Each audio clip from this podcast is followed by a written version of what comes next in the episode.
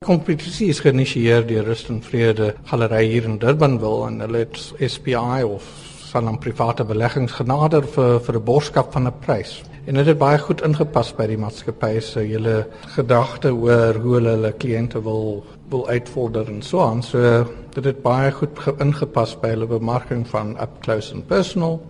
En in daai sin natuurlik vir die maatskappy se 'n goeie goeie um, ondersteuning 'n groeie boodskap want hulle kry redelike goeie reklame en so aan. Maar ek dink daar was 'n goeie belangstelling in die idee self van portrette en hoe dit vir mense uitdaging kan wees. En dis was die hele idee om 'n redelike groot prys uit te skryf maar ook een prys nie nie 3 of 4 Natuurlik kan mense dit altyd heroorweeg en baie mense het seker gevoel dit was nie gepas nie maar ek dink die een pryswenner is definitief die prys werd. Ek dink die 39 ander kunstenaars wat nou uitstal het die die geleentheid om nasionaal gesien te word en hulle is regtig 'n besondere keer uit 1783 werke. So hulle kan redelik proud wees van hulle self.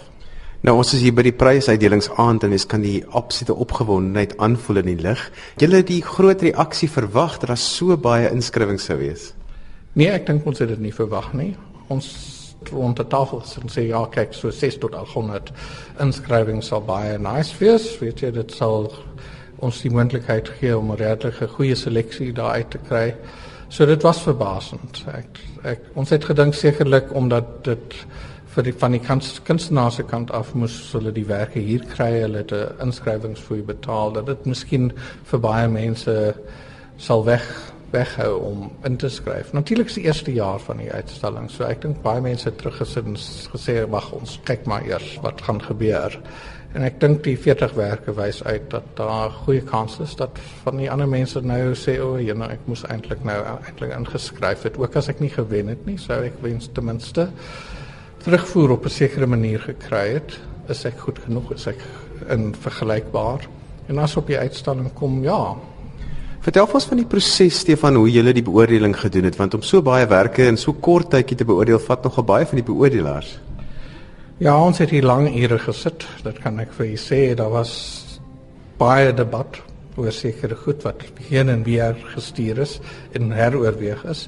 So ek kan ten minste 'n bietjie sê oor die eerste twee rondes of twee dae van beoordeling wat wat redelik interessant was.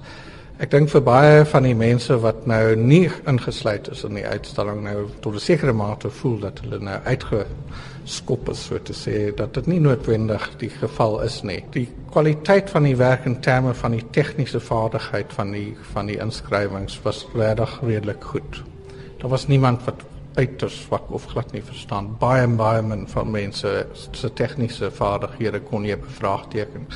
Maar ek dink die grootste probleem vir baie van die kunstenaars is wat is het hulle gekies as as subject? Wie? En die probleem is as jy nie persoonlike verhouding met iemand het, wat kan jy eintlik insit in 'n skildery? En baie van hierdie werke was net gesigte, nie portrette asook. Daar was jy kon sien daar was geen erg sterk verhouding tussen die persoon wat geskilder is en die kunstenaar. In sekere mate weet jy was daar baie werke van bekende figure. So wat kan tipe persoonlike verhouding kan jy met daai bekende figuur het en boonop jy kan net daai skildery of tekening of wat ook al maak van iemand anders se interpretasie al van die fotograaf wat dit opgeneem het vir die koerant of so iets. En so baie van daai werke wat op daai formaat het kon jy redelik duidelik vind en is vinnig uitgesif. Dit nie te sê dat hulle nie goed geskilder is nie. Baie van hulle was nogal regtig goeie interpretasies, maar nie goed genoeg om teen hierdie ander werke te staan nie. Die laaste sifting was ons glad nie in die saal nie. So ek het nie gehoor 'n woord wat die argumente was, maar dit het baie lank aangegaan. Ek is opgewonde om van ons wonderlike kontemporêre nuwe kunstenaars te sien, maar die verrassing is dat die wenner 'n relatief onbekende naam is binne die nasionale konteks. So dit was nogal vir almal 'n verrassing. Was dit vir julle ook interessant om al die nuwe gesigte te sien? Ja, ek dink vir vir baie mense lyk dit asof of van hierdie mense nie bekend is. En natuurlik vir my ek was hoe kan ek sê nie bekend met die werk het al tevore gesien. Ek het dit in ek, ek het haar werk in 'n katalogus te gesien. Ek okay, nasionaal is sy sekerlik nie bekend soos William Kentridge of Robert Hutchins of so iets nie. Maar ek dink dit wys ook uit hoe hoe parochial ons eintlik is. Weet jy, dit is verbasend hoeveel kunstenaars in Gauteng niks weet van die Kaap en andersom en dan moenie eers daaraan dink oor oor Natal nie, weet jy, en dis waar die kunstenaar vandaan kom. So ek dink dat daar mense het nie daai wye kennis nie en as jy nie rondreis en kyk nie, sal jy dit ook nie sien nie. Maar dit is verbasend hoeveel mense bereid was om te skilder. En dis eintlik redelik dink ek um, optimisties oor ons land. Dit sê hooplik vir die mense wat die toekoms van die land begin bestuur dat daar wel genoeg mense is wat baie belangstel in kuns maak, ook as hulle nie professioneel is nie. Is daar meer daar as as wat wat hulle eintlik dink? Stefan, wat my opgewonde maak is die feit dat baie mense hierdie werke nou sal kan sien. So, wat is die vorentoe vir hierdie spesifieke reeks inskrywings van vanjaar? Wat waar kan ons luisteraars dit hiervandaan sien? Van hier af bly dit hier eers tot in Oktober, tot die 8de Oktober, dan die 23ste Oktober open dit by die Universiteit van Johannesburg Kunsgalery. Dan kom dit interessant nog genoeg Kaap toe weer oor die Desember vakansie, Januarie toe. En by Stefan Wels en Key en hulle saal by die Elfen Hotel. Ons het gedink dit sou geskik wees om in die oor die vakansietyd hier te wees. So daai mense wat dit nie in Johannesburg sien nie, kan dit hier sien as hulle op vakansie. Dan gaan dit op Natal toe in April.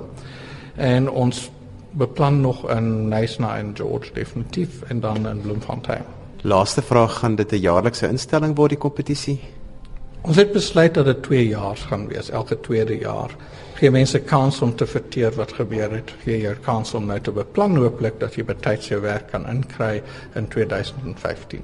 Heather Gurley Cunningham is the winner of the competition this year. Heather, tell us about the winning work. Well, the winning work is one of three that I submitted.